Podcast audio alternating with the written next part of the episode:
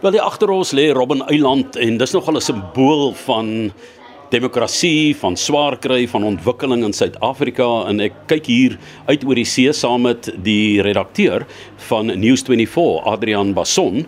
En ek dink aan 2024 is 'n groot jaar. Nou ons praat nie politiek in 360 nie, ons praat oor die politiek en dis waaroor Adrian Basson geskryf het en koalisiepolitiek is aan die orde van die dag, maar ook koalisie skryfkuns. Adrian, jy het nie alleen hierdie projek aangepak nie, né? Vertel vir ons 'n bietjie hoe die projek tot stand gekom het. Dankie Johan. Ja, joernaliste hou van boeke skryf want jy weet ons artikels wat ons vir ons webwerwe en koerante skryf is maar kort. So ek en my kollega Konita Hunter, sy is 'n politieke redakteur by News24 het einde verlede jaar het ons gesit en gedink en gesê maar Jessie, 2024 se verkiesing is eintlik 'n waterskeiding verkiesing. En mens moet eintlik 'n boek skryf, jy weet oor wat die moontlikhede is, die scenario's en hoe ons op hierdie punt gekom het waar die ANC moontlik uh, onder 50% gaan daal nadat jy weet hierdie bevrydingsbeweging wat soos jy sê baie van die leiers is Nelson Mandela op Robben Island vir jare gesit het. Hoe het hulle gekom tot die val waar hulle nou vandag die kans staan om die verkiesing te verloor of dan ten minste die meerderheid te verloor? Ons het toe gesê kom ons skryf 'n boek daaroor. Tussen die twee van ons het ons omtrent die hele 30 jaar van die ANC aan bewind gedek as joernaliste. Ons het gesit in die parlement. Ons was by die ANC konferensies waar Jacob Zuma verkies is, Thabo Mbeki uitgeskop is. Ons het gesien hoe Cyril Ramaphosa aangekom het en toe besluit om 'n boek bymekaar te sit en te sê jy weet wie gaan Suid-Afrika regeer vir die volgende 30 jaar en dan so 'n bietjie in die kristalbal in die toekoms in te kyk.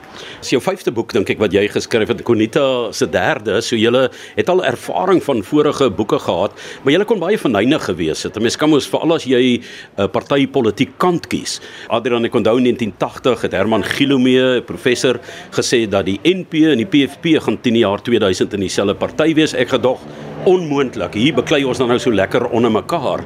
Maar ek meen 20, 30 jaar, 40 jaar in die politiek, dinge kan snel verander, né? Ja, hulle sê ek dink as dit 'n week is 'n lang tyd in die politiek of 'n maand, 'n um, baie lang tyd. Jy weet dit is dit is vir ons as joernaliste, dis 'n absolute voorreg vir my om elke dag hierdie politiek van naby te kan beskou. My vorige boeke was meer op korrupsie gefokus, op die korrupsieondersoeke wat ek persoonlik gedoen het oor Jackie Celebi en Jacob Zuma en Bosasa en so aan. Maar ek dink met hierdie boek, ehm um, ek en Konita beide skryf, soos baie van ons kollegas by News24 skryf elke week 'n rubriek. Wat ek met daai rubriek probeer doen is ek wil vir my lesers sê ek weet julle is nie so naby aan die politiek en die aksies soos ek nie, maar kom ek gee vir julle wat ek dink die belangrikste, die grootste storie of tema is wat wat in Suid-Afrika aangaan op die oomblik. En ek dink dis wat ons met die boek wou probeer doen is om te sê ons was naby aan die aksie, maar ons weet ons lesers volg nie elke detail nie. Maar kom ons probeer vir mense verduidelik waar ons staan in die geskiedenis van Suid-Afrika. Ons is volgende jaar 30 jaar demokrasie. Dis eintlik 'n groot jaar van mense moet eintlik feesvier volgende jaar in Suid-Afrika, maar ek dink ons as 'n land kan terugkyk en sê ons is in groot moeilikheid op klomp vlakke. En ons het probeer om dit te analiseer. Hoe het ons hier gekom en hoe kan ons moontlik moontlik hier uitkom? Is daar darm hoop vir ons in hierdie mengelmoes van partye? Ek dink ehm um, ja, uh, Johan, hierdie wêreld van koalisies is hier en dit gaan nêrens heen nie.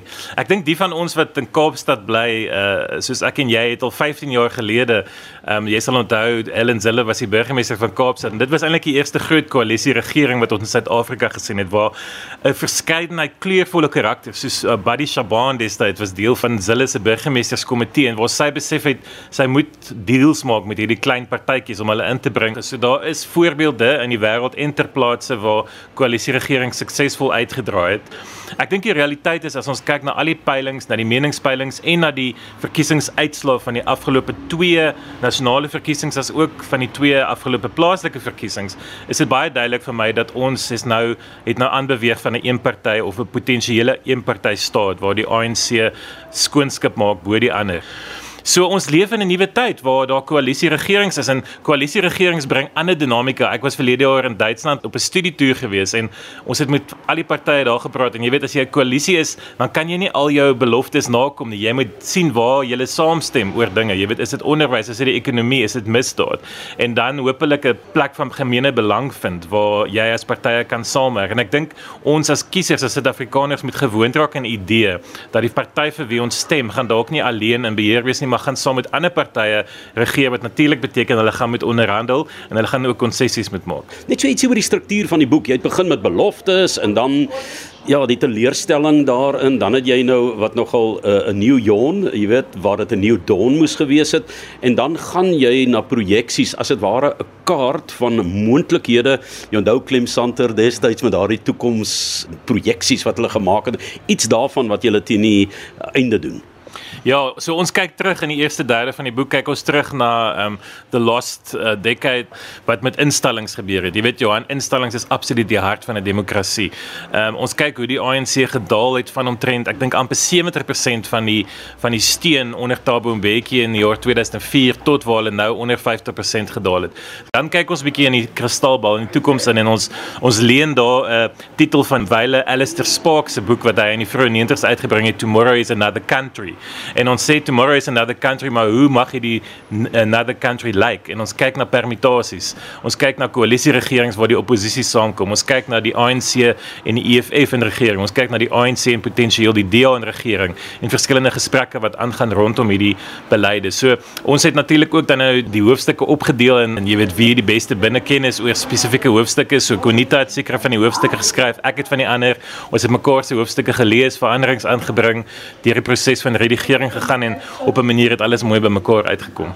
Belangrik om te gesels en nugter te wees en nie net emosioneel te reageer nie, maar ek dink mense kan hoe will rule South Africa gerus gaan lees en ehm um, ja en kyk wat hulle daaruit kan neem ook vir hulle toekomsprojeksie. Ek wil so ten slotte vir jou vra Adrian as ek nou kyk na mense wat 'n groot rol kan speel dan maar ons op baie keer moet sluk en nie kan glo wat ons sien nie en ander kere sal mense uit hulle velle van vreugde bars maar dit kan maar 'n turbulente tydperk wees.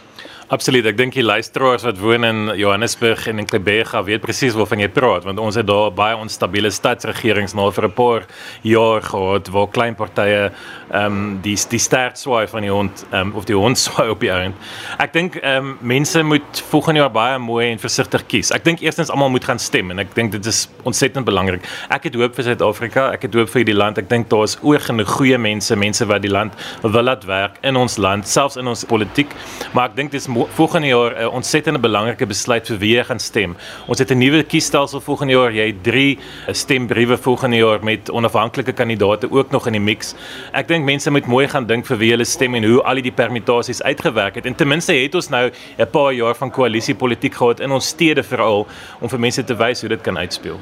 Nou ja, hier oor die feesseisoen wil jy nou hê mense moet politiek gaan dink en dan gaan ons die nuwe jaar in. 'n Aanmoediging dan van die skrywer is Adrian Bason saam met Konita Hunter van Who Will Rule South Africa. Dit is in 2024 'n groot jaar vir Suid-Afrika.